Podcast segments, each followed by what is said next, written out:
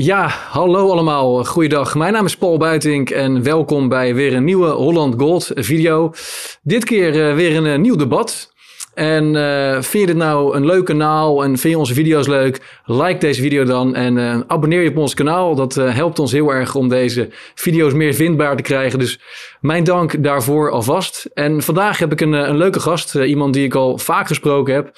Ik kan hem bijna een vriend noemen. Ik heb hem al meerdere keren elke keer aan tafel gehad en op andere, bij andere gelegenheden. Ik ga praten met niemand minder dan oud DNB-directeur en hoogleraar in Groningen, Lex Hoogduin. Ja, welkom. Lex, welkom Zou ik bijna tegen mezelf zeggen. Ja, ja. ja. Nou, leuk om je hier weer te zien. Ja, heel leuk. Um, wij gaan vandaag uh, weer met elkaar in gesprek, maar dit keer misschien uh, wat, uh, nog wat, wat spannender dan vorige keer. Omdat we echt proberen te kijken van oké, waar, uh, waar, waar zijn nu wat, uh, wat, wat tegenstellingen of onduidelijkheden in de uh, monetaire economie. Waar experts over praten en, en wat vinden wij ervan? En kunnen we, kunnen we kijken of, of we overeenstemming vinden of misschien waar we het met elkaar oneens zijn. Ehm, ik heb een aantal stellingen naar je doorgestuurd. En die zal ik alvast even opsommen, dat de kijker ook weet wat een beetje de agenda is voor vandaag. Ik weet niet hoe lang we nodig zullen hebben, maar we gaan het zien. Uh, allereerst gaan we praten over hoe machtig zijn centrale banken nu. Uh, er zijn mensen die zeggen, nou, ze staan aan de zijlijn, zoals Kees de Kort. Uh, maar er wordt natuurlijk heel veel gesproken over de enorme um, werking die het renteinstrument kan hebben of, of QE. Nou, daar gaan we uitgebreid over praten. Tweede is de rente. Wat is rente nu precies? Welke rentes zijn er? Moet die rente naar boven of naar beneden? Nou, daar heb je zo ook een uitgesproken mening over. Heb ik ook de afgelopen dagen weer op Twitter kunnen lezen. En daarna gaan we praten over de euro, de houdbaarheid ervan. Moeten we gewoon een exit doen of moeten we wellicht toch kijken of we die Maastricht-normen kunnen, kunnen handhaven? En daarna uh, praten we ook even over wat, wat te doen. Als we in de euro blijven, moeten we dan vol de pot gaan verteren zoals uh, andere eurozone-landen? Of moeten we toch Calvinistisch blijven begroten? En daarna gaan we nog praten over de dollar en, en op het laatst nog over de mogelijke scheiding van geld en staat. Kortom, hele volle agenda met hele belangrijke thema's. Uh, thema's die jou allemaal heel erg uh, interesseren en mij ook. Dus ik denk dat het een heel erg leuk gesprek gaat worden. Gaan we beginnen. Centrale banken, hoe machtig zijn ze nou? Nou, uiteindelijk heel machtig. Uh, als we hun macht maar gebruiken. Dus ik denk dat het, het renteinstrument is, is heel krachtig.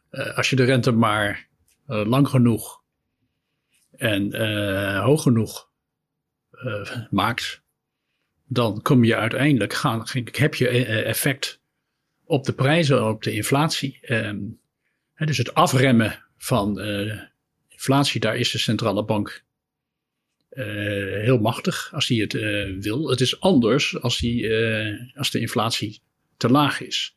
en het is veel makkelijker aan een touwtje te trekken dan aan te duwen. En, en daar, is het, daar is het anders. Dat, dat hebben we natuurlijk ook de laatste jaren gezien. Dat centrale banken proberen een in hun ogen te lage inflatie op te krikken. Daar hebben ze alles voor uit de kast gehaald. En dat lukte, uh, dat lukte helemaal niet. Dus uh, van die kant is dus een soort ja, duale, uh, duaal iets heel, heel machteloos zou ik bijna zeggen. In het optrekken, of ja, het voorkomen, de prijzen opjagen. maar heel ja. machtig uiteindelijk weer terug, terug te brengen. Want als, als ik luister naar mensen als Sander Boon, maar ook uh, Kees de Kort, die hier uh, van de week nog was en aangaf dat centrale banken eigenlijk aan de, aan de zijlijn staan. Maar ook veel Amerikaanse economen zoals Jeff Snyder, die zeggen, ja weet je, als je kijkt naar de totale geld- en kredietmarkt, wordt er vooral uh, krediet geschapen in, in de hele offshore dollarmarkt bijvoorbeeld. En zijn de balansen van centrale banken in absolute zin zijn het grote balansen. Praten we over biljoenen. Maar kijk je naar de totale wereldwijde markt voor krediet, zijn centrale banken relatief kleine spelers. En bepalen ze op die markten eigenlijk uh, wat de rente is, met name op de lange termijn. Dus uh, als je kijkt naar de lange termijn rente, zijn die vrij laag, omdat blijkbaar de, de markt wereldwijd verwacht dat de inflatie naar beneden zal gaan in de toekomst en dat er weinig groei zal zijn. En dus wat centrale banken doen, misschien op korte termijn een bepaalde invloed heeft, maar op lange termijn dat ze er eigenlijk niet echt toe doen. Dat is de stelling dan van, van dat soort economen. Hoe, zie je dat? Ja, nou, ik heb eerder, uh, het is aardig, ik heb eerder heb ik een, uh, een pre-advies voor de Vereniging van de Staat Huishoudkunde geschreven. En dat was in de begin jaren 90. En toen had ik eigenlijk de visie die de ECB ook vaak heeft. Die zei, nou ja, kijk, uh, wat de rente uiteindelijk is, worden door allerlei andere krachten bepaald. En niet door, niet door ons. Uh, wij, zijn, uh, wij zijn als het ware, hè, je kunt vergelijken met een taxichauffeur. Die, de taxichauffeur die vraagt aan de klant waar wil je heen en dan gaat hij rijden. Maar het uiteindelijke doel wordt bepaald door, degene, door, door, door de klant. Dus uh, dat was ook mijn visie uh, op dat moment. Uh, toen was het een tijd dat de rentes heel erg hoog waren. Dus de centrale bank kunnen we niks aan doen. Want er is, dat is nou eenmaal de verhouding tussen besparingen en investeringen in de, in de wereld. die pre-adviezen die verdedigde je toen de tijd in allerlei fora. Wanneer was dat? Ja, ik denk dat begin jaren negentig is okay. geweest. maar toen, toen, toen herinner ik mij Nee, het is waarschijnlijk eerder, uh, eerder geweest. Uh, maar ik herinnerde mij dat toen een oud centrale bankier opstond. Uh, en die, die zei: Ja, maar dat is onzin. Uiteindelijk bepaalt de centrale bank. Die bepaalt de rente. En de markt die volgt dat. En als je gewoon ook kijkt hoe vandaag de dag. dus ik ben nu, ik ben nu inderdaad van die, die visie ook gelet op hoe financiële markten zich hebben, hebben ontwikkeld. Ehm, de, de, ja, de centrale bank, die, de, de, de markt hangt aan de lippen van de centrale bank. Die probeert uit te, uh, uit te vissen wat de centrale bank gaat doen. En de centrale bank kan met één knip op de vinger kan totaal de marktverwachtingen veranderen. En daarmee de rente veranderen. Ja, dat, ander, ander ding wat ik mij herinner, wat hier ook over uh, gaat, is dat uh, in de tijd dat ik bij de ECB wel eens aan tafel zat. Mijn laatste periode bij de Nederlandse, Nederlandse bank. Toen Jean-Claude Trichet was president van de centrale bank.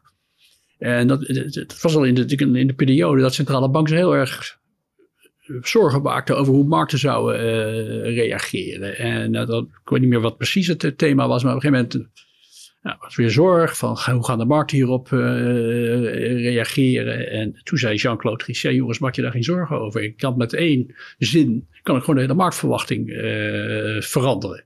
Ja, dus zijn vooral goed in het bespelen van het sentiment en emotie in de markt. Ja, maar dat heeft, dat heeft invloed op, uh, op wat er met de rente uh, gebeurt. Kijk, er is uh, nu ook, als je nu de recente geschiedenis kijkt, is voortdurend gezegd van ja, die rentes die zijn zo laag, die blijven altijd laag. vanwege de savings glut. Nou, de Amerikaanse lange rente stond gisteren wat was het? 3,6 procent. en er is niets veranderd in de besparings- en investeringsverhouding. Dus gemaakt door de centrale bank. Ja, maar je ziet tegelijkertijd ook een, uh, en dat is nu misschien weer wat uh, teruggedraaid, maar we, we, hebben een lange tijd nu gezien dat de rentecurve uh, gedraaid was. Dus de korte rentes waren hoger dan de lange rentes. Dus ja. daar waar de centrale bank heel erg inzet op, moet die de inflatie bestrijden, zegt de markt, nou ja, op lange termijn zien we eigenlijk relatief weinig inflatie. Dat, dat lijkt wat, wat schizofreen te zijn. Of hoe, hoe zie je dat, dat, dat, kun je markt bepaalt wel de lange rente dan uiteindelijk. nou ja, kijk, de, de de markt, die, die bepaalt uiteindelijk, die, die vraagt zich af, wat, wat, wat, wat is het beleid van de centrale bank in de komende 30 jaar hè, uiteindelijk?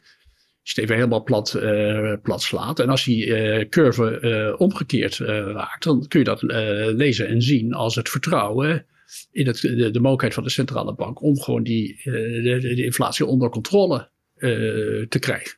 Ja. Uh, dus, maar dat, dat zegt dus niet dat de centrale bank machteloos uh, nee, helder. is. Je kunt met, dus bijna het omgekeerde beweren. Het geeft aan dat de centrale bank door de, door de markt wordt gezien als effectief. Het is vervelender als, die, uh, als, als de, de, de rentecurve helemaal oplopend zou blijven. Ook op het moment dat de centrale bank zegt, wij gaan nu echt hard op de rem stappen.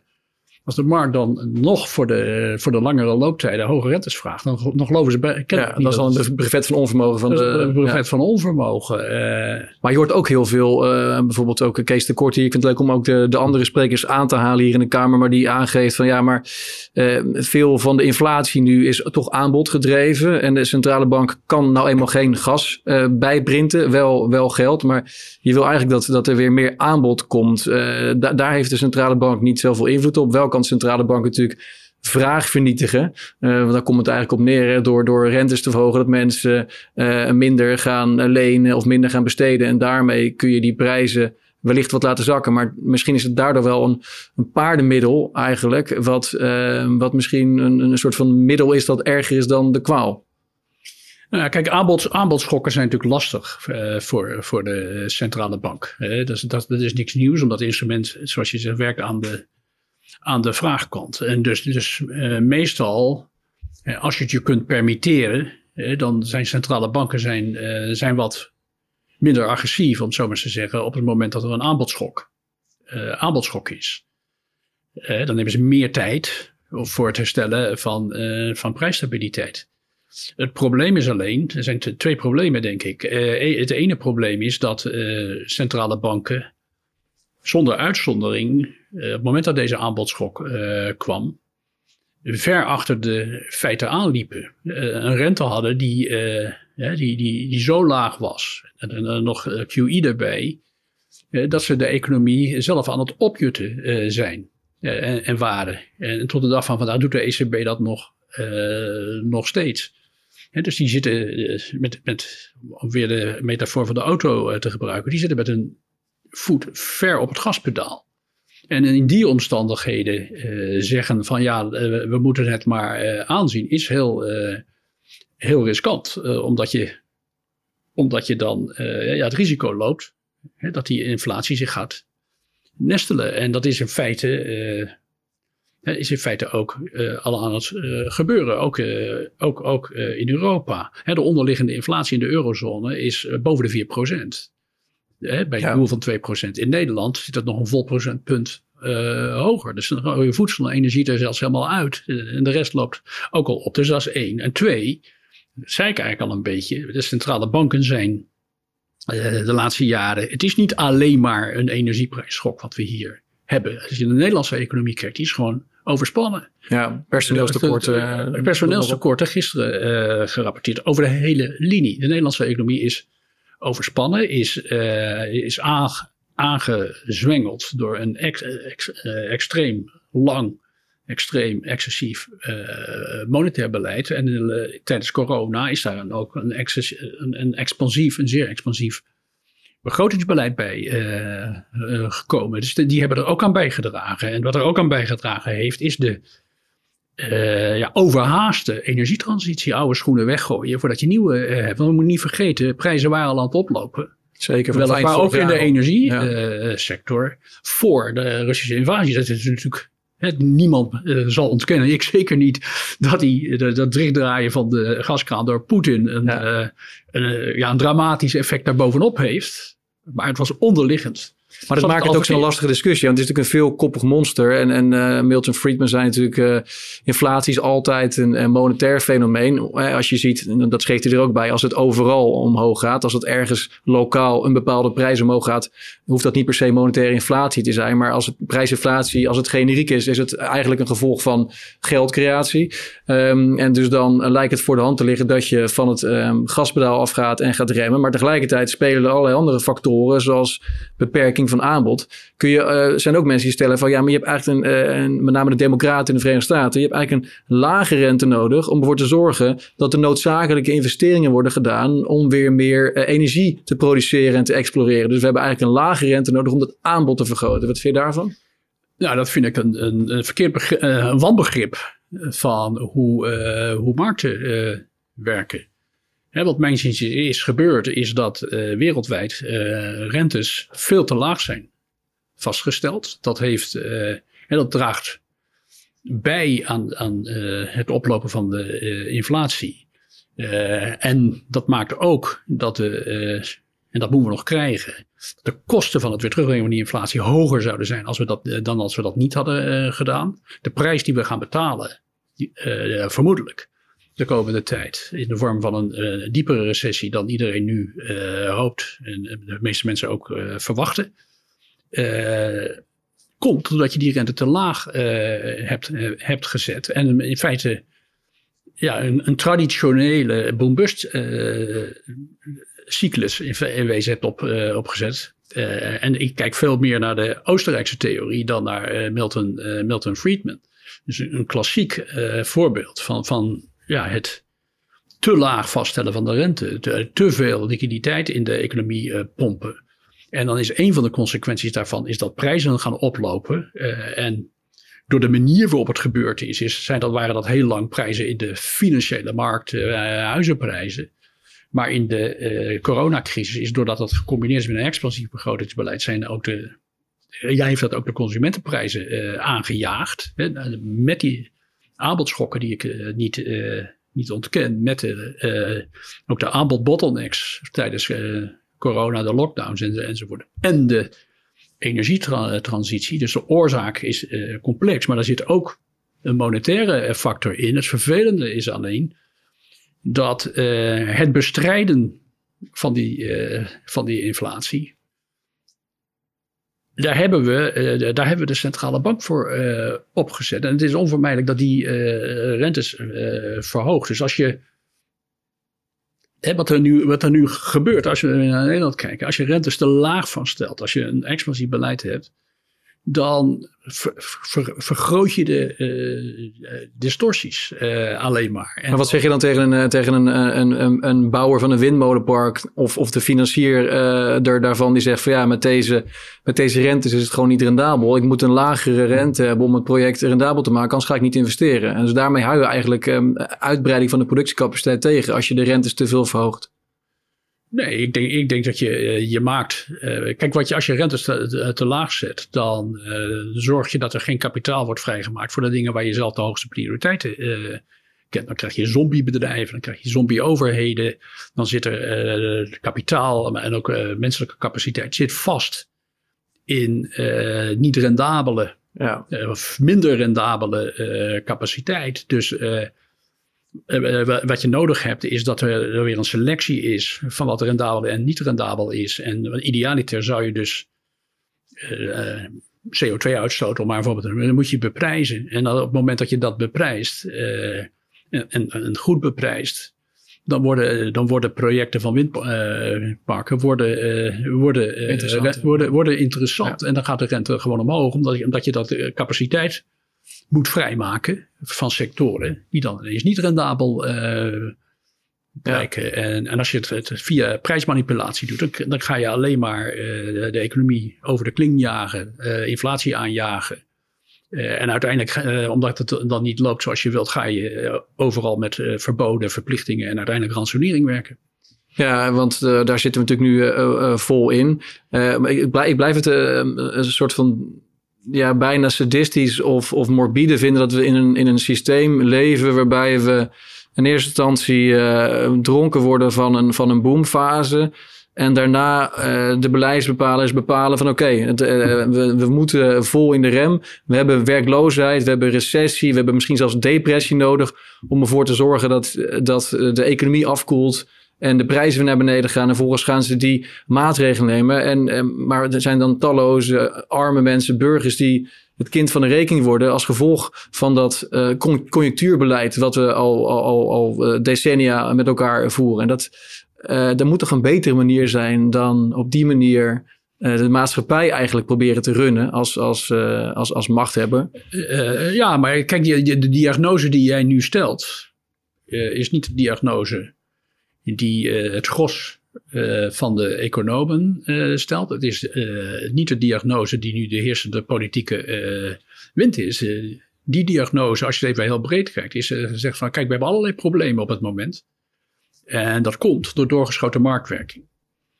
Dus wij moeten daar juist meer grip weer op gaan krijgen. Wij moeten meer gaan ingrijpen. Wij moeten, als, bijvoorbeeld, het nu ook weer begint ook weer populair te worden, bijvoorbeeld uh, de, de, energiebedrijven te nationaliseren.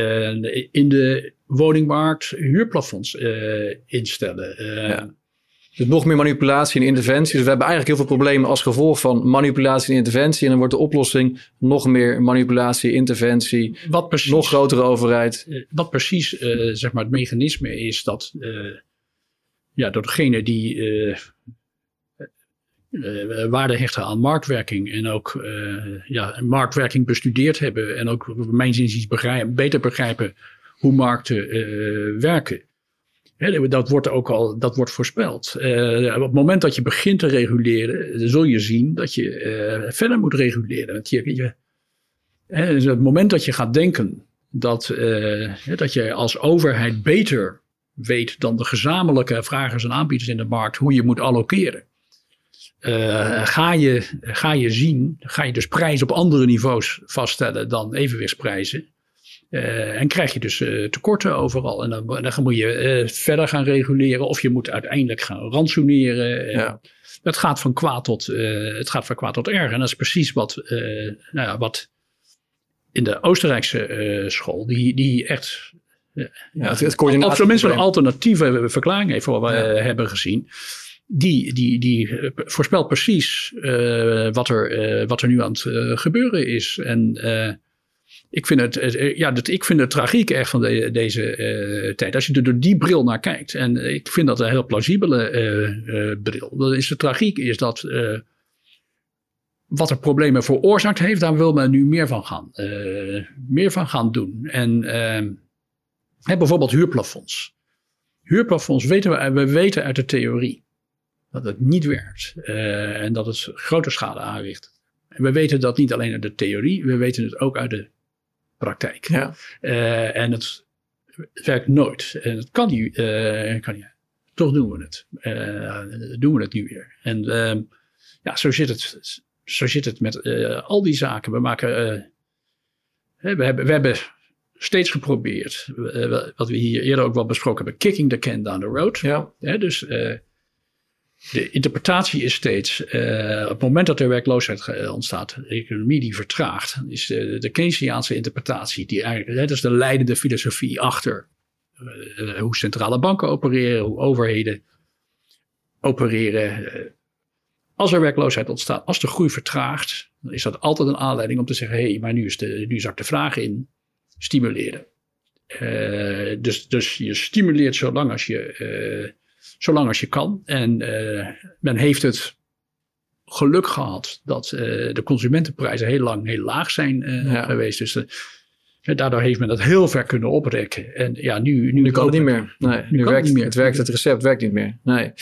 Maar dan ga je nog rigoureuzere dingen doen. Dat is, uh, dat is wat je Waardoor het alleen van kwaad tot erger wordt. Het gaat van kwaad tot erger. En, uh, maar dan, uh, dan om, om de legendarische Kees de Kort weer aan te halen, die hier vorige keer zat, die zei, en daar, daar merkte ik wel een bepaalde groei, Kees, die, die compliment geef ik je, dat hij nu ook zei, we kunnen beter gewoon stoppen met centrale banken. dus hij was natuurlijk nooit een fan van centrale banken, maar nu gaf hij specifiek aan, laten we stoppen met centrale banken. Als ik hem dan daarop doorvraag, zegt hij nou, wat ik daarmee bedoel is prima dat ze banken um, supervisen of daarop toezien, maar ze moeten stoppen met monetair beleid. Ja. Dus ook eigenlijk rentes niet meer uh, laten vaststellen door centrale banken, maar laat dus zeker ook in het licht van wat je net zegt, om, om ervoor te zorgen dat de rentes hun, natuurlijke uh, niveau bereiken. Laat de markt gewoon volledig bepalen wat alle verschillende rentes zijn. Want we hebben natuurlijk al een, een serie aan rentes. Mijn hypotheekrente is anders dan, dan die van uh, iemand uh, in, in, een ander stuk van het land. Of, of mijn, mijn persoonlijke leningrente is ook weer anders. We hebben al een variëteit aan rentes. Laat de markt gewoon volledig bepalen wat de juiste renteniveaus zijn. En de, de centrale bank wordt enkel een een toezichthouder. Wat vind je daarvan als oud-centrale bankier? Uh, ik heb daar grote uh, twijfels over of dat, of dat kan, kan werken. kijk, ik denk de, de. Als je gewoon. kijk, wat, wat, is, wat is het. Wat is de, het, het wezenlijk onderliggende probleem? is, is eigenlijk de vraag van. Is geld een normaal goed? Is geld een onderdeel uh, hoort het een onderdeel te zijn van de markt, infrastructuur, uh, van, van de hele wetgeving van de ja. overheid? Of kan het uh, eigenlijk, want eigenlijk zegt hij, je, privaat, puur privaat geld. want hij hebt geen centrale bank. Dus wie, wie is de eh, nou, je hebt een centrale bank. eigenaar van de euro. Nou, je kan wel zeggen dat. Uh, ik denk dat er een, mengvorm mogelijk is. Je kunt zeggen, je kunt zeggen, nou, geld is puur privaat. Dus we gaan betalen met, met goud of bitcoin, wat dan ook. Maar je kunt ook zeggen, geld is een publiek goed. Uitgegeven door de centrale bank. Of nou, zoals ons geld wil, een vierde um, autoriteit. En die geeft dan um, nieuwe tokens uit. Maar, bepaalt, maar de rente op die tokens is gewoon nul. Ja. En verder zijn alle rentes aan de markt. Nee, daar ben ik op zich, uh, hè, dat is eigenlijk terug naar een geldhoeveelheidsbeleid, ja. wat je, wat je uh, zegt. Ik denk dat Kees daarop doelt uiteindelijk. En daar ben ik, uh, daar ben ik, daar, dat vind ik op zich, dat vind ik op zich een aantrekkelijke gedachte. Maar dan, dan hou je wel centrale banken. Hè? Dus dan schaf je niet de centrale banken af. Je zegt alleen, we gaan een beleid voeren waarbij er uh, beslist wordt hoeveel tokens je er. Ja, nou je melkorft of je... je, je, je, ja, maar de vraag is of je ze dan melkorft. Want dat, dat, dat is een, nou, je knipt dus vleugels af. Nee, want uh, als, als je gewoon alle discretie hebt om te beslissen dat het ene jaar je 3% meer nieuwe tokens in. Uh, ja, maar daar hang je dan een geldgroeiregel aan. Bijvoorbeeld. Hè? Maar goed, dat, dan heb je in ieder geval niet meer dat ze de rente. Want als ik jou goed begrijp net, is het, is vooral het, het feit dat centrale banken enerzijds die rentes te lang, te laag houden. En dan misschien te ver doorschieten naar de andere kant. Waardoor ze die, die manisch-depressieve conjunctuur die er van nature al in ons mensheid zit, omdat we kuddegedrag vertonen. Maar het lijkt erop alsof de, uh, de autoriteiten de conjunctuur versterken door hun beleid. En wat leidt tot armoede, depressie, maar ook uh, ja, ja. Uh, irrationele zeebellen. Dat wil je eigenlijk verminderen. Helemaal weg krijg je het waarschijnlijk niet. Maar dat zou je kunnen verminderen door het renteinstrument weg te halen bij de autoriteiten. Qua QE of qua geldgroei duidelijke afspraken maken. Het wordt, het wordt er wel een stuk overzichtelijker op. Dan heb je nog steeds vraagstukken ten aanzien van de offshore uh, geldmarkt. Nou, dat, wilde, dat, dat, wilde ik, dat wilde ik zeggen. Kijk, het, het model waarbij je. Maar kijk, eigenlijk, eigenlijk zeg je zeg je nu dat de. Wat, wat geprobeerd is, is, is, is die, die. Het gaat eigenlijk om discipline. Dat is eigenlijk waar het om uh, gaat. Ik begon dat eerder al te zeggen, heb ik niet helemaal uitgewerkt. Uh, kijk, de, de, de vraag steeds is: hoe vind je de juiste elasticiteit van het geldstelsel? Uh, in hoeverre moet de hoeveelheid liquiditeit meegeven met, met de, de vraag naar liquiditeiten die er, die er is? En daar heb je de, de twee visies, allemaal terug in de 19e eeuw, currency en de banking school. De ene die zegt je moet helemaal meebewegen in de geld, uh, de vraag naar geld. En de andere is, je moet bij wijze van spreken een rigide aanbod hebben. En uh, zelfs hoeveel geld er in omloop is, doet er niet toe, maar je moet het gewoon constant houden. Ja, en dan moet het prijsspel zich aan. Dit is inderdaad de kern van het debat. Dit is de kern, de kern, van, het, kern van het debat. En um, wat men na uh, het verlies van het anker uh, van het Bretton Woods stelsel uh, in eerste instantie heeft geprobeerd dan een anker in Europa in de geldhoeveelheid te vinden. Via, door, dat doet de Bundesbank en daar koppelt, daar koppelt de rest aan. Dat is scheef gelopen op wat jij eerder noemde, omdat allerlei offshore geld is. Dus de, de, daar, daar kun je omheen, financiële innovaties. Uh, en dergelijke.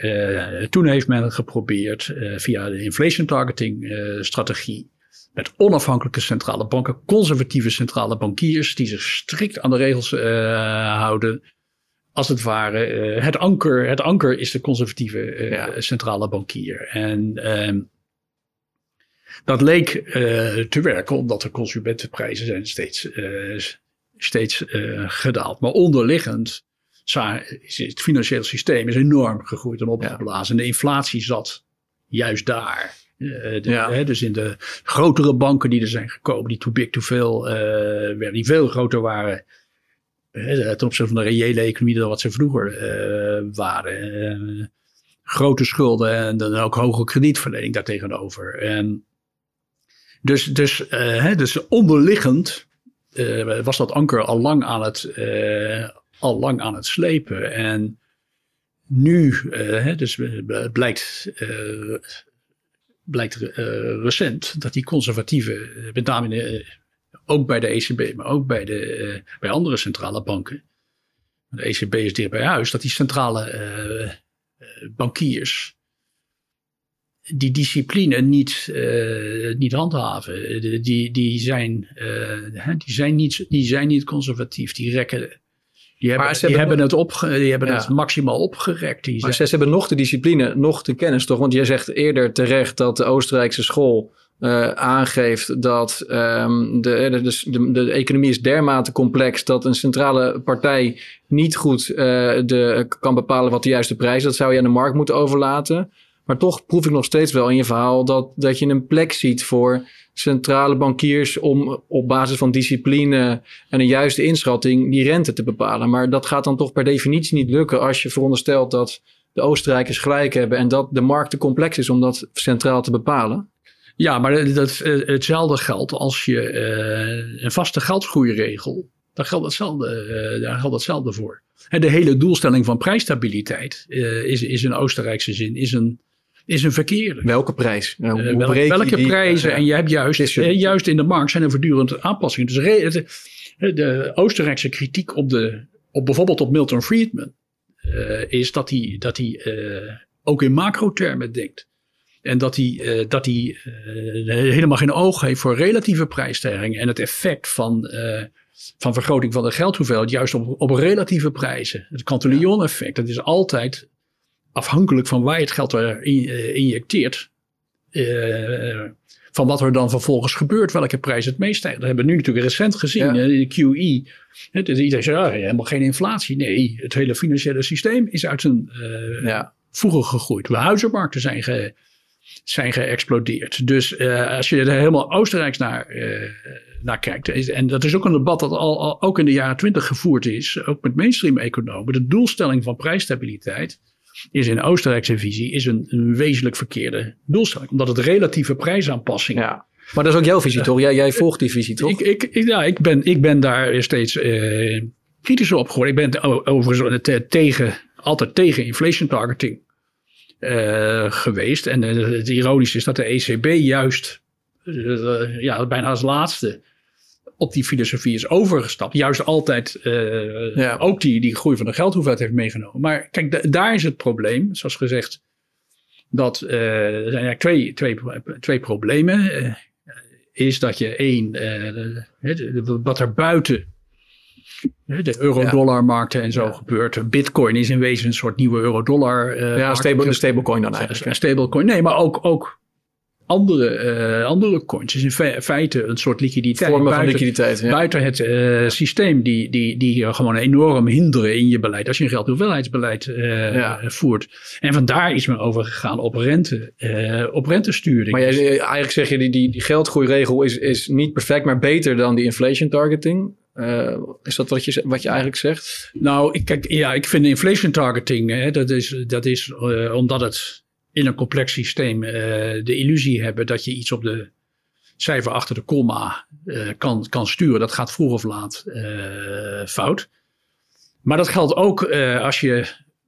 Kijk, en de geldhoeveelheid, als je, als je die in bredere zin definieert, dan is het eigenlijk precies hetzelfde probleem. Want daar, heb je, daar heb je ook geen greep op. Dus dan, dan moet het zijn de basisgeldhoeveelheid. En dan moet het in wezen, als je dit zou doen, en dat is op zichzelf best best wat in, is dat je, uh, dat je de basisgeldhoeveelheid maar die dan eigenlijk ook de totale geldhoeveelheid. Ja, dan moet je dus, dan moet je dus ervoor zorgen dat je die um, de, de, de basisgeldhoeveelheid kun je sturen. Daar kun je uh, een, een, bepaalde groei voor afspreken. En volgens moet je alle offshore en, en, en, en, uh, en bijna geldmarkt, uh, die moet je gaan zo gaan reguleren dat daar bijna geen groei kan plaatsvinden. Zodat je veel beter in staat bent om de groei van het geld te meten. Het vergt, het vergt dat je de rest kunt wegwieden, zeg maar. Ja. Uh, en als dat niet zo is, ja, dan, dan, heb je, dan blijf je het probleem houden dat je daar geen, geen greep op hebt. En uh, zoals gezegd, ja, dan is het idee, was altijd, dat je, da, uh, dat je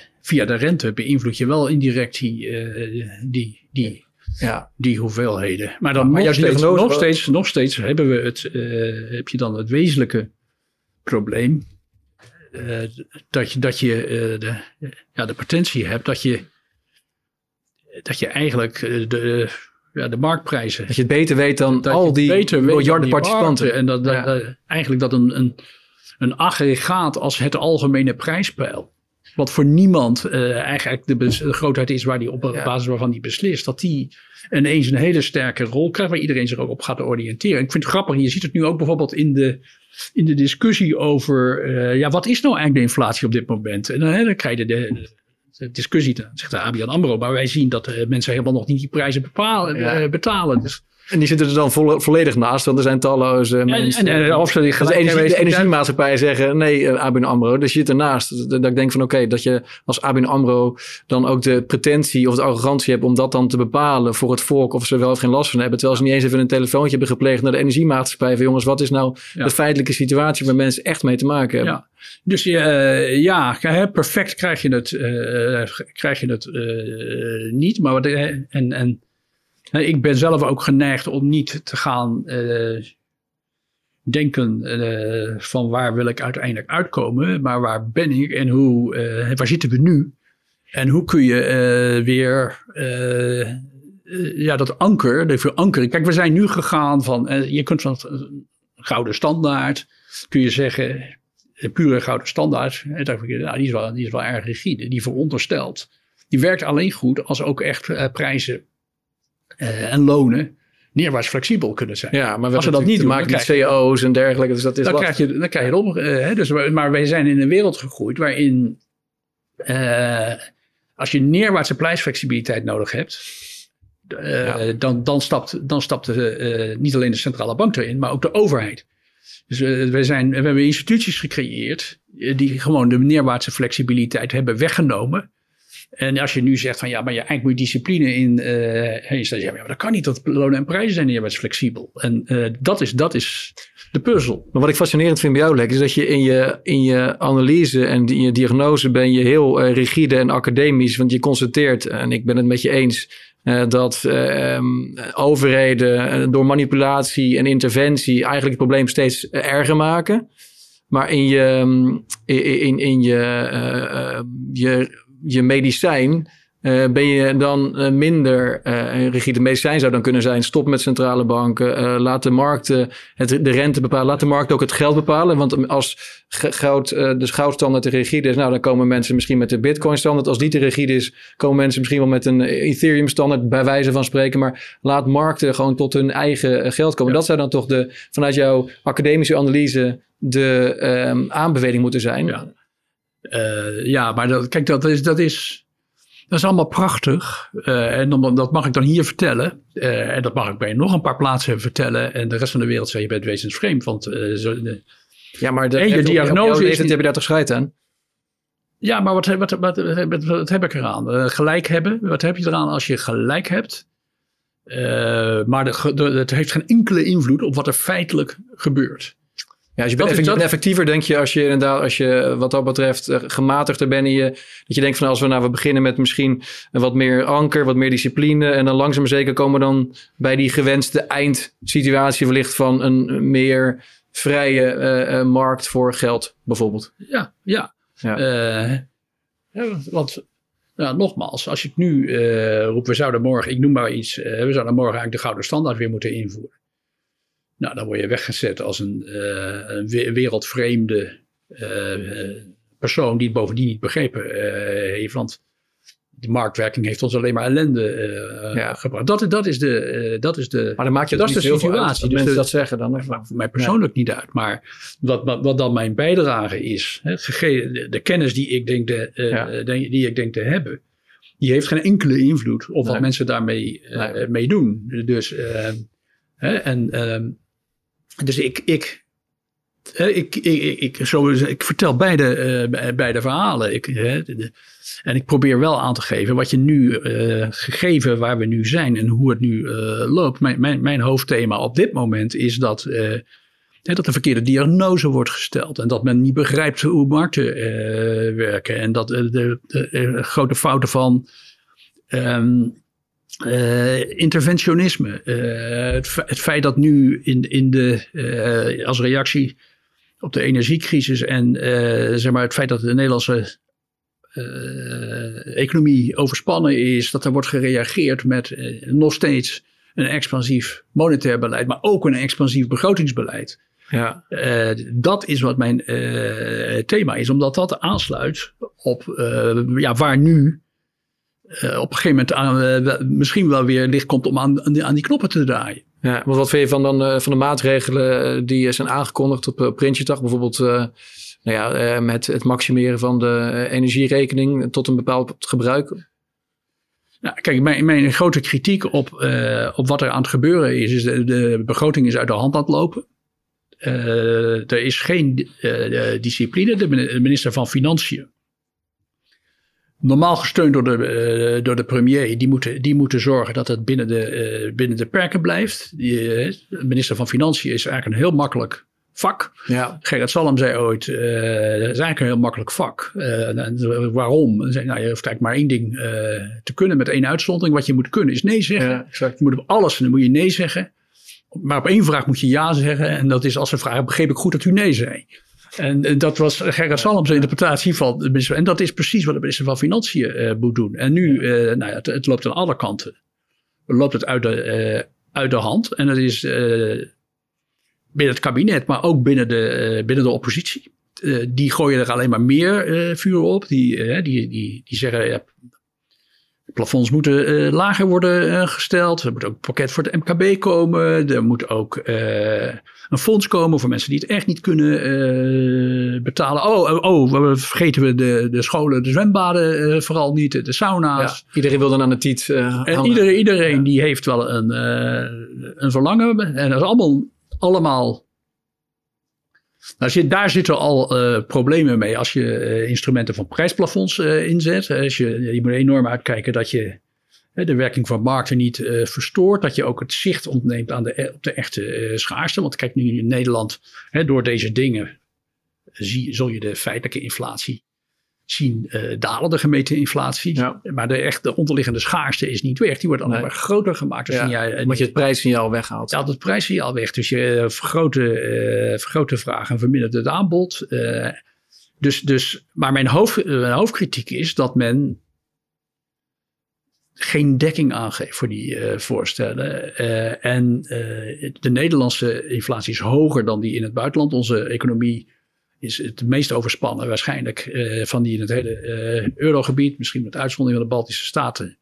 Kan ik niet helemaal beoordelen wat daar precies uh, aan, aan de Ja, Tsjechië is ja, maar, de eurozone. Ja, maar, maar ja, precies. maar, maar, maar, Nederland heeft een overspannen economie, zoals we eerder zeiden, alle kanten tekorten.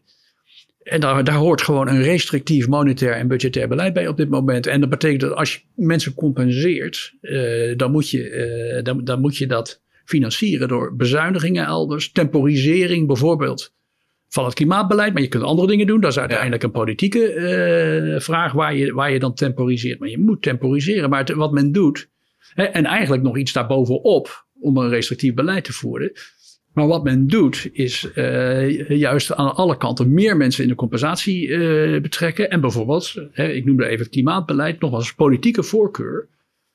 Maar als je eh, dan vervolgens zegt van daar moeten we juist extra gas geven, dat, dan gooi je verder olie op het vuur. En het probleem van het Nederlandse coalitieakkoord van dit kabinet was al dat er uh, te veel dingen tegelijk wilden. En het is, uh, dat was al onmogelijk. Daar is nu bijgekomen is dat men uh, heel veel extra geld aan defensie wil, wil uitgeven. onze minister-president zegt voortdurend, als Oekraïne om wapens vraagt, dan moeten we die leveren. en het is aan meneer Zelensky om te bepalen op welk moment we dat niet meer hoeven te doen omdat hij wil gaan onderhandelen. Dan geef je een blanco check af. En uh, misschien is het, uh, je kunt erover debatteren of het politiek uh, dat, dat de juiste aanpak is. Maar dus je begroting krijgt er een extra, extra last, last bij. Defensie open einde, defensie uitgaan waar je ook niet precies zicht op, op hebt. nou ja, de energieprijzen zijn verder opgelopen. Dus het, begrotings, het structurele begrotingstekort neemt toe het komend jaar, zit op 3%. Op het moment dat de neergang nog moet beginnen. Maar het is eigenlijk natuurlijk niks ten opzichte van andere eurozone eh. Hè? Dus Italië, ehm, eh, Frankrijk, dat gaat zo naar 6, 7 procent. Ja. En dan een andere stelling die ik met je wil bespreken. Want ik, ik, ik merk aan jou dat je zegt van nou, we moeten uh, goed uh, op de schatkist blijven letten en, en, en conservatief uh, begroten. Ja. Maar als de rest van de muntunie er een potje van maakt. En de, de schuld uh, verder laat oplopen. En mensen eigenlijk laat profiteren van het cantillon-effect. Wat je al eerder aangaf. Wij zij, uh, zijn dan dichter bij de geldkraan dan wij. Um, zijn we dan niet uh, gekke Henkie als we niet ook meedoen met dat feestje? Dat we ook gaan potverteren. Want als de rest dronken wordt, moeten wij dan ook niet dat feestje uh. Ik, ik, vind dat je gekke Henkie bent als jij in het water springt als een ander dat ook doet. Ik vind dat je gekke Henkie bent als jij zegt, nou weet je wat, uh, iedereen zit op de Titanic, we zien het uh, gebeuren, laten we er ook maar op gaan. nee, maar die Titanic, het, het, is meer van, we zitten al op de Titanic met z'n allen, want dat die euro gaat al eigenlijk waarschijnlijk zinken. Nu, als we er toch op zitten, kunnen we net zo goed nog even een drankje doen. dat vind, dus dan zeg je, nou ja, weet je, laat, laat Gods water maar over Gods akker lopen. Ik vind dat je dan alles moet doen om uh, ervoor te zorgen. Uh, te Dan zijn het beste jongetje van de klas weer. Jawel, maar kijk, wat winnen we met door zelf uh, onze eigen arbeidsmarkt en onze economie verder te oververhitten? Wat, wat winnen we daarmee? Uh, om de inflatie verder op te jagen. Ja, maar die zij jagen de inflatie toch al wel op de rest van Europa. Ja, maar niet. Uh, het is toch een Europese markt voor, alle, voor al die grondstoffen. Als, als wat, de... je, wat, je, wat, je, wat je ziet, uh, er, zijn, er zijn inflatieverschillen. wij, wij zitten al aan de, hoge, aan de hoge kant. Ja, maar stel dat je maar, dat, dat, dat, dat Frankrijk of Duitsland ergens LNG gaat, gaat kopen. En, en, de, en de Europese geldpers gebruikt om dat te financieren. En wij doen het niet. Dan jagen zij toch ook voor ons de prijzen op, terwijl we niet meedoen. Ja, maar de Europese, uh, nu, nu, begrijp ik je niet. Nou ja, stel zij gebruiken niet de Europese, nee, maar als, gebruiken niet de, zij, dat ja, gaat over het begrotingsbeleid. Ja, maar dat, uiteindelijk is dat toch de geldcreatie. Als je als, uh, als Frankrijk of nee, Italië gewoon je begrotingstekort tekort laat oplopen, wetende dat je uiteindelijk een, altijd een koper hebt in de vorm van de ECB, dan maken zij toch gebruik indirect van uh, de ECB om, om zelf expansief um, fiscaal beleid te voeren. Maar nu begrijp ik je niet, want de ECB is met QE gestopt. Nou, we hebben is niet we, altijd we, we, hebben TPI. Uh, we, we, weten dat uh, de ECB net zolang Zuid-Europese obligaties gaat opkopen, uh, zolang die verschillen goed blijven. Dus of, net zolang dat die verschillen weer goed zijn tussen de Noord-Europese en de Zuid-Europese rentes. Dus de ECB is in naam misschien wel gestopt met, met QE, maar we weten dat ze via het, uh, het Transmission Protection uh, instrument nog steeds doorgaan met het uh, investeren in Zuid-Europese ja, obligaties. Dus wij, wij, helpen dan, wij, wij financieren indirect omdat onze eigen rentes omhoog zullen gaan, doordat ze bijvoorbeeld Nederlandse ja, obligaties gaan verkopen. Die, die Nederlandse maar ben je, ben je niet van bang dat een soort van uh, tragiek van de meent is. Waarbij uh, nee, daar ben ik, daar ben ik niet bang voor. Waar wij niet meedoen. Nee, daar ben ik, daar ben ik niet, helemaal niet uh, bang voor. Waar ik wel bang voor ben, is inderdaad, waar mij grote zorgen paard, is dat TPI-instrument. Is wat de Fransen aan het, is wat de Fransen aan het doen zijn. En de Italiaanse begroting heb ik die niet helemaal zicht op. Maar ik neem bijvoorbeeld de Belgische begroting. Ja. Dat, dat loopt allemaal nog harder uit de hand dan het bij ons al uit de hand aan het lopen is. En ze zitten ook op al, op hogere uh, uitgangsniveaus met hun, uh, met hun staatsschuld.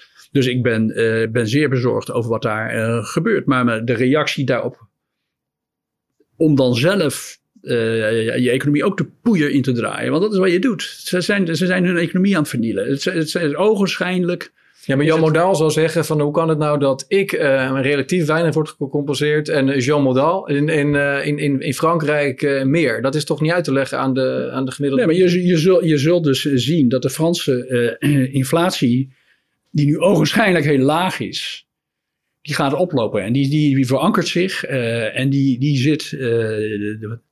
Frank, Frankrijk komt in een, een stagflatoren situatie op zijn, uh, op zijn best. Maar het zijn geen geïsoleerde markten toch? Dus veel van die grondstoffen worden toch op Europese schaal... of dat, dat komt als de euro uh, wordt uh, um, gedebased. Maar, de, maar de, arbeid, de arbeidsmarkt die, die is helemaal niet zo geïntegreerd. Nee. He, anders dan zouden er nu allerlei Fransen naar Nederland komen enzovoort. Nee, wij, ik denk dat we een grote fout, echt een grote fout maken als onze reactie is, nou ja, weet je, dan gaan wij maar mee in dat geheel dan, dan vernielen we, uh, dan, dan, dan, vernielen we de, de euro uh, verder. Kijk, de euro is, is toch al eigenlijk al vernield? Nou, ik, ik, kijk dat.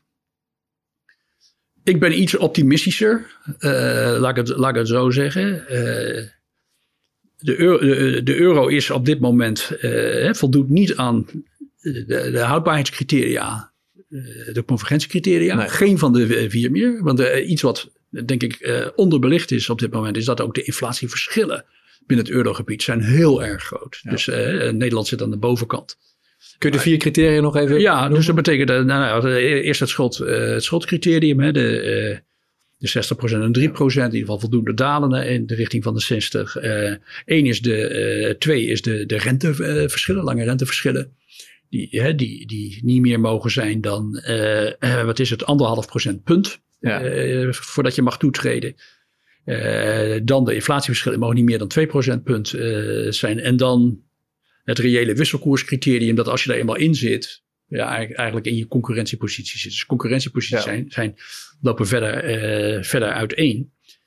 in plaats van dat ze naar elkaar toe, voldoende naar elkaar toe bewogen zijn. Dus geen van die criteria is voldaan. En eigenlijk kun je daar nog aan toevoegen. Hè? Dat is niet een officieel convergentiecriterium, maar wel een criterium dat wordt gehanteerd bij toetreding. En dat is de onafhankelijkheid van de centrale bank. Ja. Je kunt ook een vraagteken zetten bij de onafhankelijkheid van de ECB uh, eh, zelf, aan de ene kant. Aan de andere kant kun je ook zeggen, de ECB zich wel heel veel macht. Dan hebben we weer bij TPI heeft uh, toegekend. Ja, Lagarde is natuurlijk gewoon een politica met een strafblad. Laten we wel wezen. Uh, nou, dat gaat, gaat mij niet om de, dat gaat mij niet, het gaat mij niet om de persoon. Het gaat mij om de, de dingen die men zich toe-eigent en dingen die men doet. Men, ja. men, men, hè, men voert uh, extra liquiditeit. Uh. nou ja, men, nee, men, men is heel erg bezig met, met klimaatbeleid, met heel veel tijd aan inclusiviteit, noem het allemaal maar op. Maar belangrijker nu met, met, met dat TPI is dat men zich het recht heeft toegeëigend om te beslissen wanneer een, een renteverschil met met name Duitsland komt door fundamentele factoren. Of dat het is uh, speculanten of wie dan ook de markt versteren. Daarmee hebben ze zich in een onmogelijke positie uh, gemanoeuvreerd. want op het moment dat ze gewoon ja, daarvoor vaste criteria toepassen, zo, zoals bijvoorbeeld dat er geen excessieve tekorten zijn, dan zijn ze hun onafhankelijkheid kwijt. Want dan hangen ze af van het oordeel van de Europese Commissie en de ja. Europese ministers of dat tekorten excessief zijn. Als ze zich daar niet aan houden, dan, dan beslissen zij dus over uh, of een, een, begrotingsbeleid correct is of, uh, of niet. En dat is, dat is een rol die ik vind dat in een, uh, in een democratie en in een rechtsstaat niet aan de centrale bank toevoegt. Dus we hebben ze daar in een onmogelijke positie gemanoeuvreerd. Dus ik, ik heb grote zorgen dat TPI-instrument. Ik vind dat. ik hoop dat er in ieder geval uh, daar weer een Karlsruhe-zaak uh, komt. Ja, het constitutionele hof in Duitsland. Ik, ik vind, uh, ik vind dat de Nederlandse overheid, die heeft heel slapjes, uh, vind ik slapjes, daar opmerkingen over gemaakt. in, de, in, de, in de euro. ja, Kaag heeft er wel wat kritiek op. Heeft, heeft kritiek ja. op. Ja, maar ik, ik, ik, denk dat Nederland echt zou moeten overwegen naar het Europees Hof te stappen. Dat is een heel duidelijk signaal om, om te zeggen, dit is, dit is niet conform de, uh, conform de regels. Maar weet dat Europese Hof in het verleden al uh, de besluiten van Karlsruhe heeft uh, over... Ik, weet, ik weet het. Ik, en, en, dat, duurt ook, dat duurt ook weer lang. Ja. Hè, maar de, ze, ze, zouden, naar mijn idee, zouden ze, dat hadden ze al lang Klaas Knot naar het parlement moeten roepen. Dat is, dat is een bevoegdheid die gewoon in de bankwet staat, in de Nederlandse bankwet. Dat, dat, dat de, Tweede Kamer eh, de Klaas Knot kan uitnodigen om het beleid van de ECB uh, eh, toe te lichten. Die komt toch regelmatig uh, zijn praatje aan de Kamer? Ja, maar het is niet alleen zijn praatje houden. Ik denk dat hij nu echt, uh, we moeten echt van hem horen, vind ik als Kamerlid. dus zou ik willen weten wat nou, hoe, hoe het nou zo komt dat de ECB en ook Klaas Knot persoonlijk, die vorig jaar nog, begin van het jaar nog zei, in 2022 gaan we de rente helemaal niet verhogen. Uh, hoe hij daar nu tegenaan kijkt. Wat, nu, uh, wat nu zijn uh, inschatting nu is. je moet hem bevragen over TPI, waar hij kennelijk mee heeft, in, heeft ingestemd. en hem Want hem weet... heel duidelijk maken dat, dat denk ik, dat. Kijk, wij, de, de, van alle plannen die het kabinet heeft, gaat heel weinig terechtkomen als we prijsstabiliteit niet herstellen. Ik, ik wilde een oud Bundesbank-directeur uh, was het, ben ik, uh, die uh, zei: prijsstabiliteit is niet alles, maar zonder prijsstabiliteit is alles niets. Ja. En dat is het. Wij moeten prijsstabiliteit moeten we, moet hersteld worden. om een basis voor gezonde groei weer te leggen. En niet alleen gezonde groei, maar ook voor een gezonde woningmarkt. voor een ordelijke energietransitie. En noem al die andere uh, prioriteiten maar die men, die men heeft. Als, als er geen prijsstabiliteit komt, dan, dan zul je op een heleboel. En ook voor koopkracht uh, behoud, voer ik, eraan, uh, voer ik eraan toe. Want wat men nu allemaal tegelijk wil. Dat, dat, dat kan niet zonder, zonder dat, je de infla, dat je inflatie blijft creëren. Of koopkrachtverlies over de hele linie uh, krijgt. Ja, Jerome Powell lijkt die boodschap wel te begrijpen. Die uh, lijkt uh, zich niet gek te maken door de markt. En die is bereid om de werkloosheid op te laten lopen. Om aandelenmarkten verder te laten crashen. Om maar, en net als Volker eigenlijk begin jaren tachtig, om maar die inflatie naar beneden te krijgen. Maar wat ik me afvroeg, in de, in de Verenigde Staten kun je altijd heel goed zien wat iedere uh, centrale bank um, gouverneur heeft besloten en wie afweek en wie consensus volgde. Maar kunnen we ook uh, Klaassen stemgedrag van de afgelopen jaren zien bij nee. Knotsen, ik ken hem niet persoonlijk, Knotsen stemgedrag zien bij de ECB of niet? Of is het dus we weten niet zeker, misschien heeft hij wel tegen TPI gestemd dan. Kan dat? Dat zou op zich, dat zou op zich kunnen, maar ik, ik dat zouden we kunnen, eh, kunnen vragen aan hem als hij in de Kamer verschijnt van joh, uh, meneer Knot, uh, laat u eens zien hoe u de afgelopen jaren gestemd heeft. Misschien een WOP-verzoek? Nou, daar heeft de WOP geen, geen invloed op. kijk, omdat de filosofie is altijd geweest van het begin, en dat is heel moeilijk te handhaven, gebleken. Filosofie is dat de ECB is collectief accountable. Dus dat betekent men voert een discussie en in die discussie kan kan en moet van alles over tafel gaan. Er moeten juist mensen hè, eerst divergeren om later te convergeren als je beslissingen uh, neemt. Hè, dus daar kan iedereen, uh, moet iedereen zijn eigen visie uh, hebben en dan uiteindelijk moet je tot een besluit mm komen. Nou, het ECB-model is dat je dan, je komt tot een collectief besluit en je legt dan ook uit waarom je tot dat besluit bent gekomen. maar je verdedigt het besluit, net zoals dat bij de ministerraad. Ja, je breekt uh, met één mond. Je, spreekt, je spreekt met één mond. In de, de praktijk is het natuurlijk meer en meer aan anderen uh, geworden. Maar dat is, dat is het, het, het, model eigenlijk. Hè? Dus ik, ik, kijk, mijn, mijn, mijn bedoeling is, uh, is, is niet eens zozeer om. Het gaat niet om hem, wat mij betreft, niet om hem onder druk te zetten. Maar om volstrekt duidelijk te maken, ook voor de Nederlandse kiezer.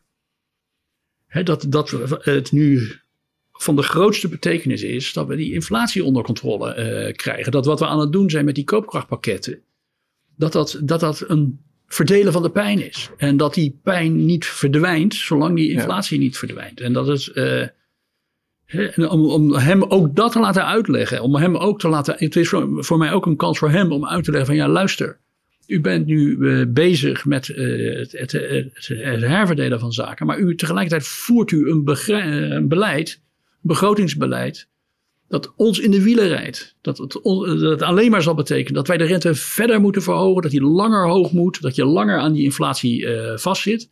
En dat straks de pijn uiteindelijk groter zal uh, zijn. En dat, dat verhaal moet verteld, uh, verteld worden. Ja, en dan maar om, om burgers dan toch verlichting te bieden de komende tijd. Uh, kan ik me zo voorstellen, jou, ook jou, met jouw achtergrond uh, van de Oostenrijkse school, dat je zegt, joh, uh, maak die overheid kleiner, verlaag de belastingen. Dan gaan mensen er net ook op vooruit. En op die manier kunnen ze worden gecompenseerd. Nou ja, dat, is, dat, is, dat is een ander, dat is een ander verhaal. Dat is eigenlijk meer, ook weer een langere termijn verhaal. He, dus de, als je nu uh, ziet, uh, maar ik betrek het weer even op Nederland, maar het is uh, breder in, in, in West-Europa. eerder zeiden de heersende filosofie is, we moeten het van de overheid ja. hebben. Er moet meer geïnterveneerd worden. De VVD noemt het een sterke overheid. Ja. het is gewoon een eufemisme voor een grote overheid. Het is, uiteindelijk een, een grote overheid. Hè, we, hebben, we hebben recent de, de lezing van minister Rob Jetten gehad, de Abel Hetzberg-lezing. Uh, en da, da, dat hangt van interventionisme aan elkaar. De, de, doorgeschoten marktwerking is er geweest. We moeten nu de regie pakken. De regie pakken is ook denk ik het meest gehoorde woord in, uh, in Den Haag. En dat is uh, heel breed gedeeld.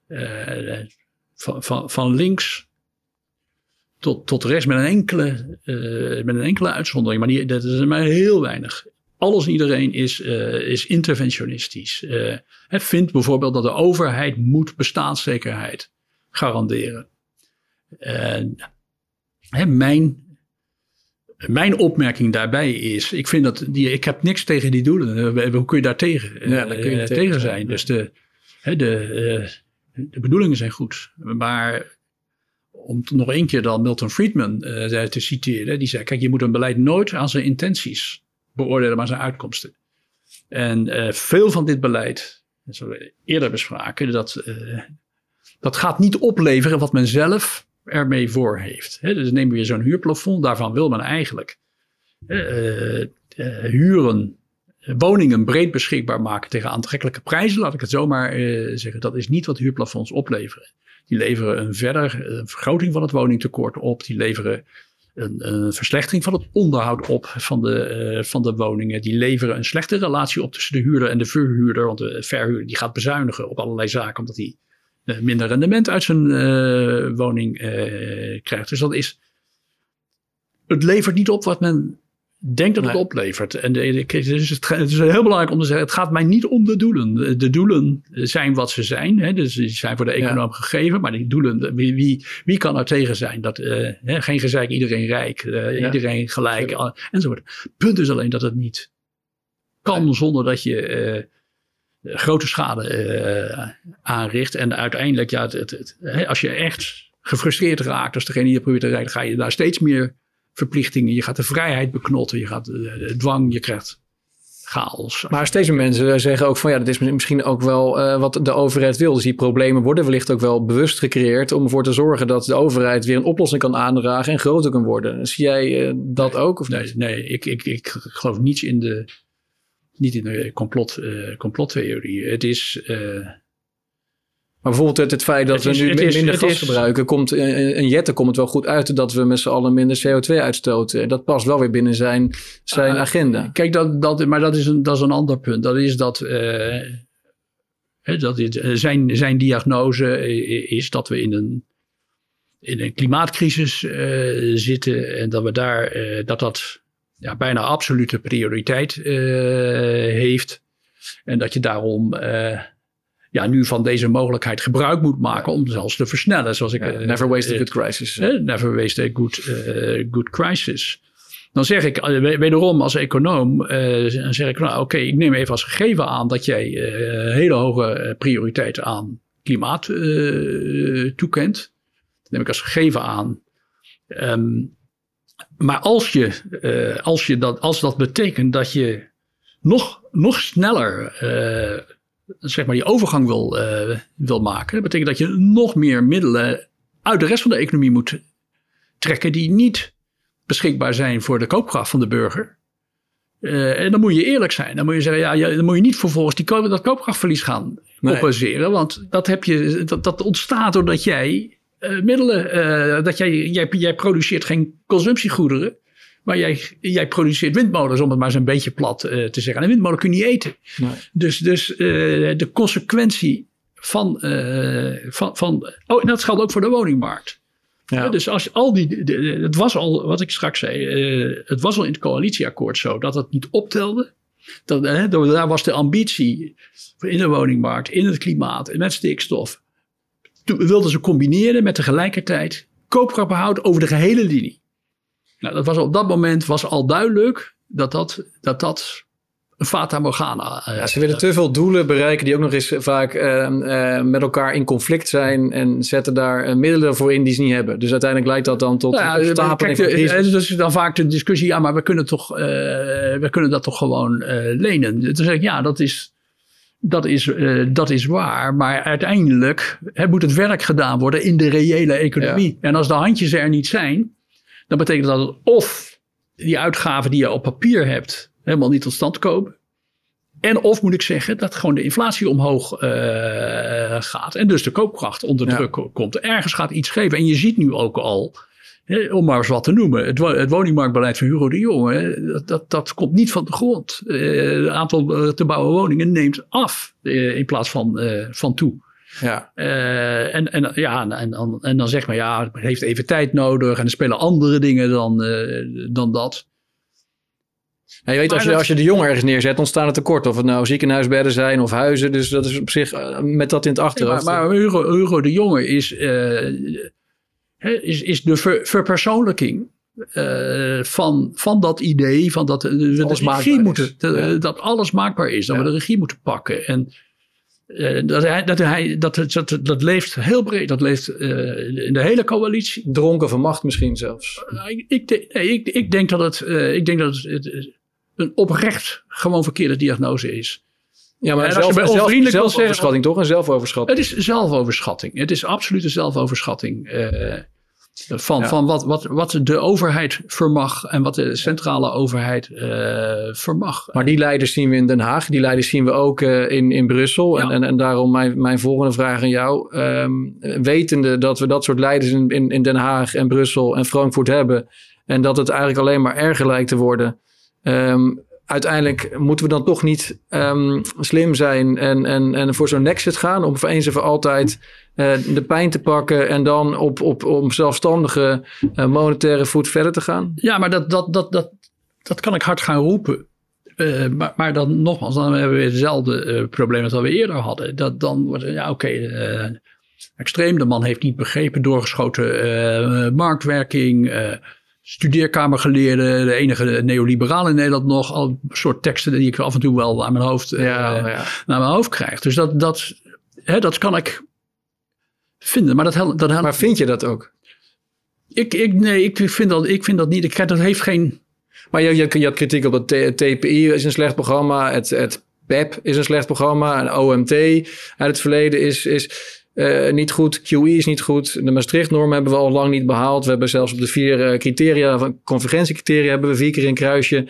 Op een gegeven moment moet je dan toch. Uh, ik, ik, ik, ik, zou ook graag willen dat alles goed komt. Maar ik, ik begin er langzaam maar zeker wel de, het vertrouwen te verliezen dat we uiteindelijk. Um, en nog ooit een keer verstandig ja. monetair beleid gaan ja. voeren in de eurozone. Maar kijk, ik probeer aan te haken. Ik probeer aan te haken bij een paar, één, één lichtpuntje. Uh, laat, laat ik dat zo zeggen. Misschien twee.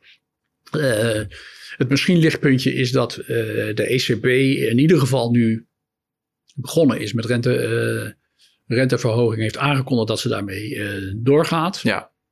En nou, dat is in ieder geval dat is de beweging de goede, de goede kant op. En, dus je wil ze het voordeel van de twijfel geven nog?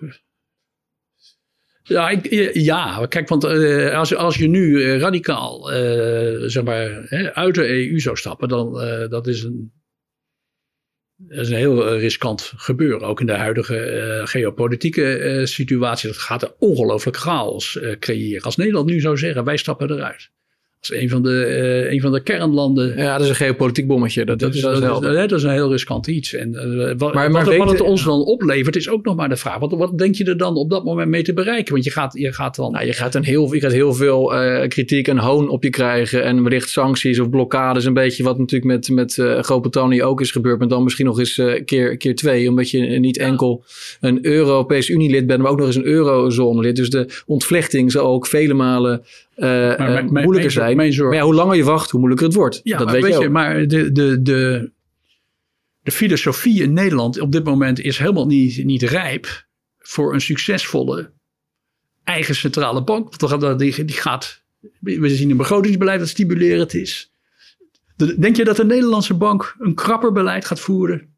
Nee, maar denk je dat maar door, door deze gedachte, uh, stel dat we deze gedachten voor ons blijven houden en niet te veel uiten. Nee, maar ik wil, wat, anders, ik, wil wat an, ik wil wat anders. Dan ga je ook niet die wind anders laten waaien. Eh, nee, maar dus mijn tweede, uh, mijn tweede lichtpuntje is, er is net een, een, een standpunt van, de, van het kabinet over de euro verschenen. En de toekomst van de, van de euro. En daar, daarin zeggen ze dat ze, uh, voor het beginsel dat ieder land zijn eigen broek, moet ophouden heilig is. Geen euro, uh, geen eurobonds, dat soort zaken. Ze, ze zijn tegen verdere versnelde integratie. Het is een reactie op een rapport waar ik ook aan mee heb mogen werken, waar een aantal varianten werden geschetst. En variant 2 is eigenlijk het D66-verhaal versneld integreren. Daar heeft het kabinet zich nu tegen uitgesproken. Maar vijf jaar geleden stond het ook al in het coalitieakkoord. Ja, dat, dat, weet, dat, dat weet ik. Nu, Next Generation EU is via de Europese Commissie 800 miljard dat weet ik. En, en tegelijkertijd, hè, want dat staat er ook in. In feite trekken ze die lijn door. Zeggen ja... Dat is een uitzondering. Uh, zeggen ze. Nee, maar deze gaan zelfs verder. Ze zeggen, kijk luister, uh, hè, wij vinden dus ook dat landen hun schulden moeten uh, terugbrengen die, die te hoge tekorten hebben. Zeggen ze allemaal. En zeggen ja, maar dat kun je niet in een heel hoog tempo uh, doen. Dus we zullen hoge schulden houden. Dus er is het risico op periodieke financiële uh, crisis, uh, financiële instabiliteit. En dan staan wij open voor verdergaande stappen als aan de juiste voorwaarden is voldaan. Nou, dat laatste is, dat is, eigenlijk is het meer van hetzelfde. Dus je kunt daar tegelijkertijd heel sceptisch over zijn. Maar het geeft, uh, geeft ook een haakje. Uh, het haakje wat het uh, geeft is dat ik vind dat de Nederlandse overheid nu moet aandringen op hernieuwde convergentieprogramma's. Waarin, waarin overheden die dat aangaat, stappen zetten op, naar, naar, naar weerhoudbare schulden. En, en, dat, en er ligt dus een link met de discussie over de herziening van het Stabiliteits- en Groeipact. Ik denk dat daar, uh, daar moeten we ja. maximale druk, druk, op zetten. Dat Nederland daar niet dat laat verslonsen. en twee dingen zouden moeten gebeuren. En, en, nogmaals, dat is geen, geen gegeven, maar dat is wel iets wat je kunt bespreken en waar je druk voor kunt uitoefenen en waar je wellicht uh, wel degelijk redelijk veel Kamerleden voor mee kunt krijgen. Eén is dat je in de herziening van Stabiliteits- en Groeipact de nadruk gaat leggen op het reduceren van tekorten, die terugbrengt in vier jaar naar zeg een, een half procent. Tekort van een half procent. en als je dat doet, kijk dan, dan, dan dan, heb ik helemaal, dan hoef ik niet verder nog weer aparte tempi te hebben voor het reduceren van schulden. Want dan als, je, als jij een tekort hebt, naar een half procent. En de economie groeit harder dan. Bij een half procent tekort ga je naar uh, hele lage schuldquote. Dus dat duurt, duurt een hele tijd, hè, dat is waar. Uh, maar dan, dan is de markt, dan zijn de zenuwen van de markt ook weg. Als je dat geloofwaardig kunt doen. Dus daar zou Nederland op moeten, op moeten sturen en, en, daar is het zorgelijk, want men wil juist op de schuld gaan sturen, ja. omdat die hoger is. Maar je moet het omgekeerde doen. Want Nederland zelf, in de traditie van Nederland, is nooit geweest op schuldquoten sturen. We hebben altijd op tekorten gestuurd. En de schuld is dan de uitkomst. En als je je tekort onder controle hebt, dan is die schuld dat ja. is een soort restpost. Uh, en dat, daar moeten we naar terug. En vind je van de plannen van Boonstra om te zeggen, nou de schuld die we op de ECB hebben, op de balans hebben staan, die gaan we omzetten in eeuwigdurende 0% uh, obligaties. En daardoor kunnen ze cosmetisch ook worden afgetrokken van de schuldquote uh, van de landen, omdat je ze niet hoeft af te lossen en ook geen rente hoeft te betalen. En daarmee kunnen de schuldquotes van alle eurozone landen met 25% dalen. Is, dat, is, vind je dat een goed voorstel? Nee, dat vind ik geen, uh, geen goed voorstel. Het mag, het mag überhaupt natuurlijk niet. Hè. Dus, dan, dan... Alles mag uiteindelijk toch als... Nee, maar dan, dit is... Dit is uh, de... Alles kan. Het is geen natuurwet. Uh, nee, het is geen, het is geen natuurwet. Maar het is...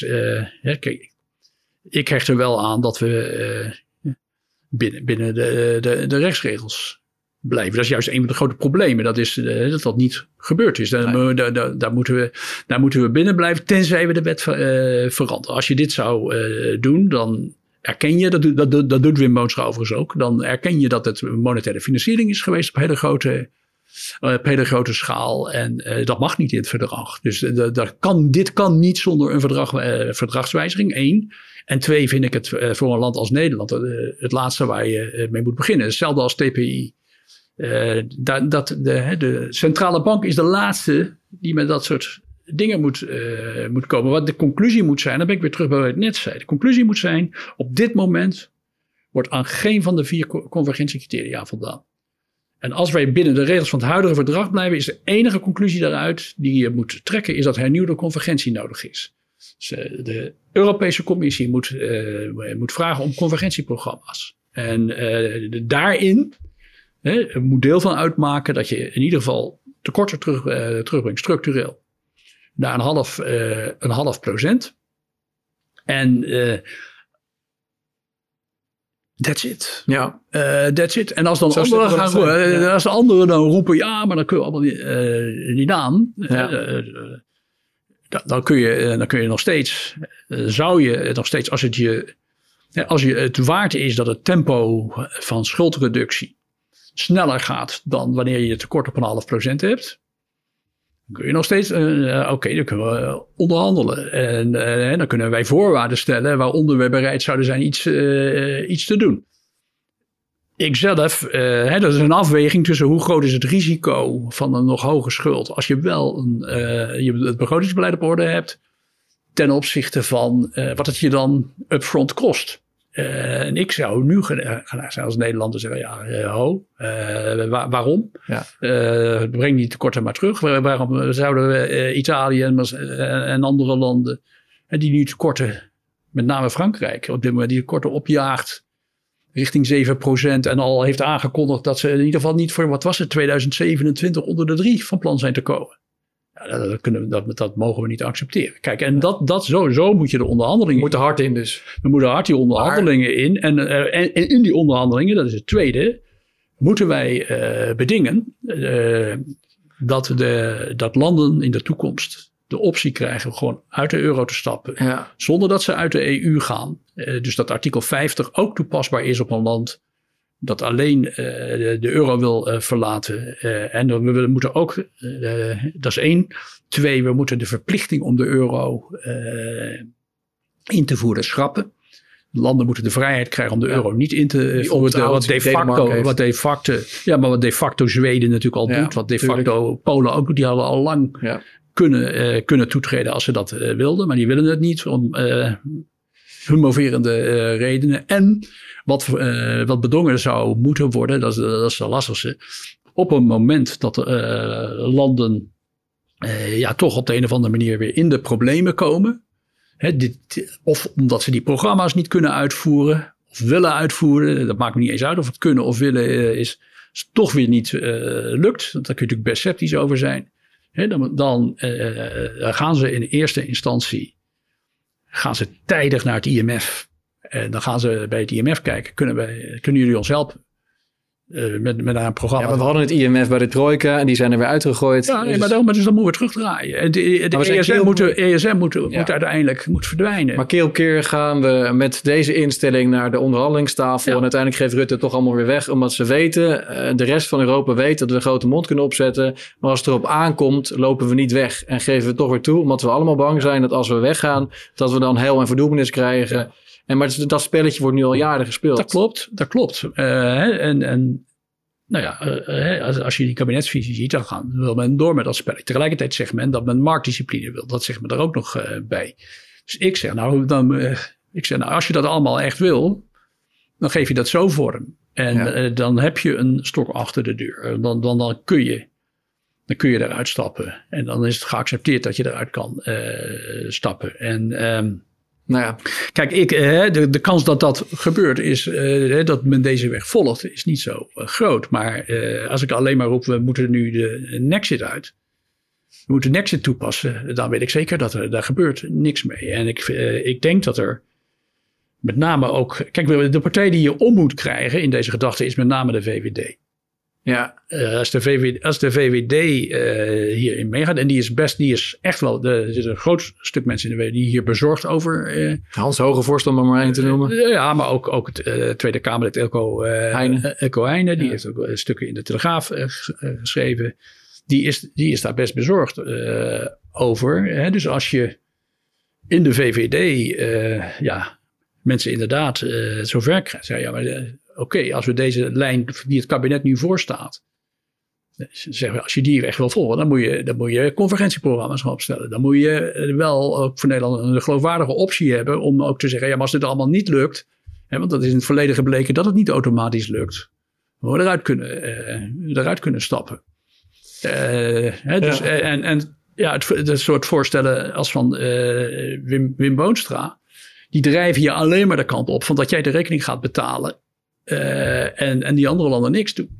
Want we, waar het in de discussie over stabiliteits- en groeipact over uh, gaat, is hoe, hoe krijgen we ruimte voor meer investeringen? Zonder, zonder dat daarvoor uh, ruimte wordt gemaakt, gewoon in de, reëel in de economie. Nou, ik waardeer je, je positieve insteek. Ik ben zelf wat, wat sceptischer geworden door de jaren heen. En misschien ook wel dat ik te veel met sceptici aan tafel hebt gezeten. Uh, daarom vind ik het ook prettig dat jij weer wat uh, een genuanceerder geluid laat horen. Laten we, laten we kijken of uh, de beleidsmakers luisteren naar deze oude klassiek liberaal. En kijken of je ja. adviezen worden meegenomen. Het rapport staat er, is er in ieder geval. Ik zal het nog ja. even lezen. Ik heb het niet ja. gelezen, maar daar is, is al geluisterd. In september. nou, dat is, dat is, een, het is een rapport met, met vier varianten. en wat er, hè, wat ja, door een aantal mensen uh, was bepleit, is dat, dat Nederland hè, niet, niet uh, als een soort ja, rem moet functioneren op de EMU, maar juist gas moet geven, constructief moet zijn. En uh, versnelde integratie moet gaan voorstellen.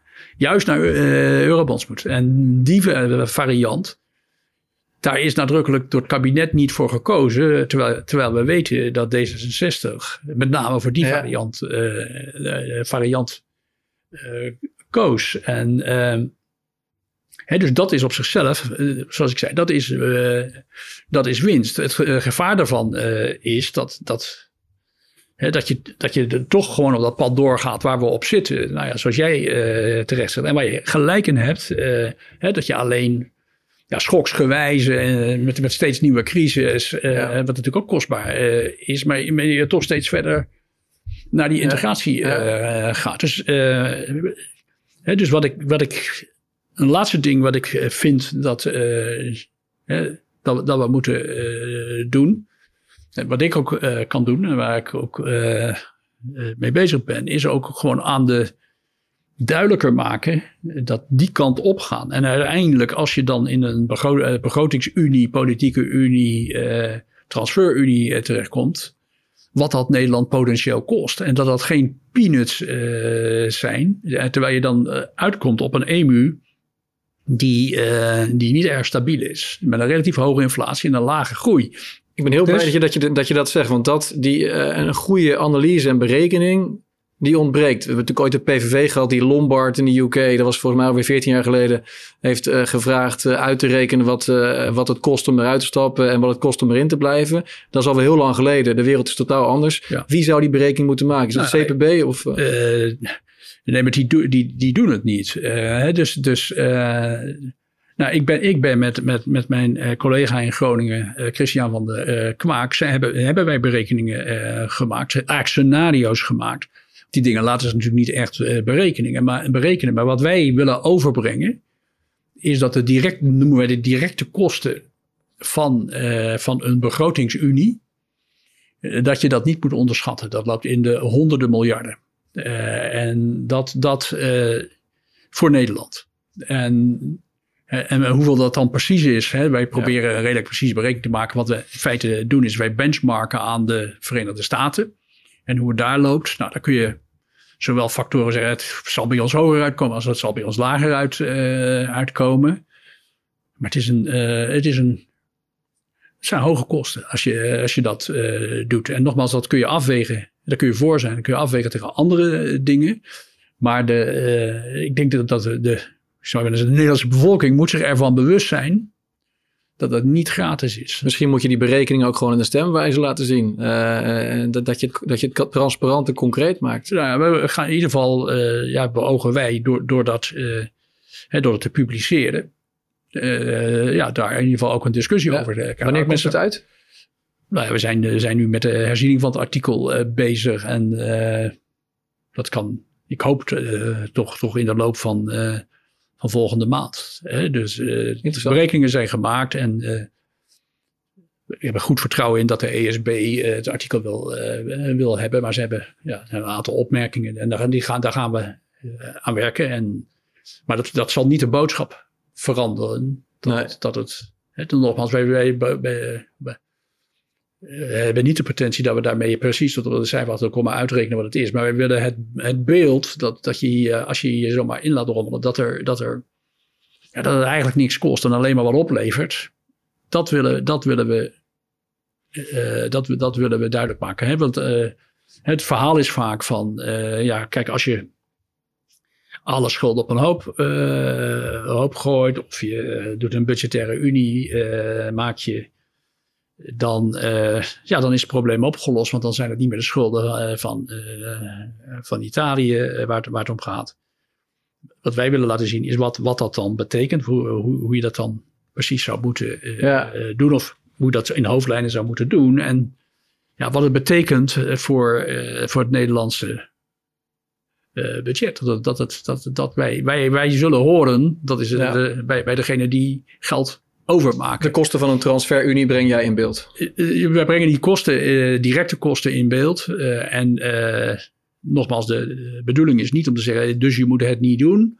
Maar we willen dat mensen zich ervan bewust zijn wat het nou, heel kost. Goed. Heel goed wat, wat, wat, wat, het kost. En ja, kijk, er is, de precieze getallen is, daar kun je eindeloos over debatteren.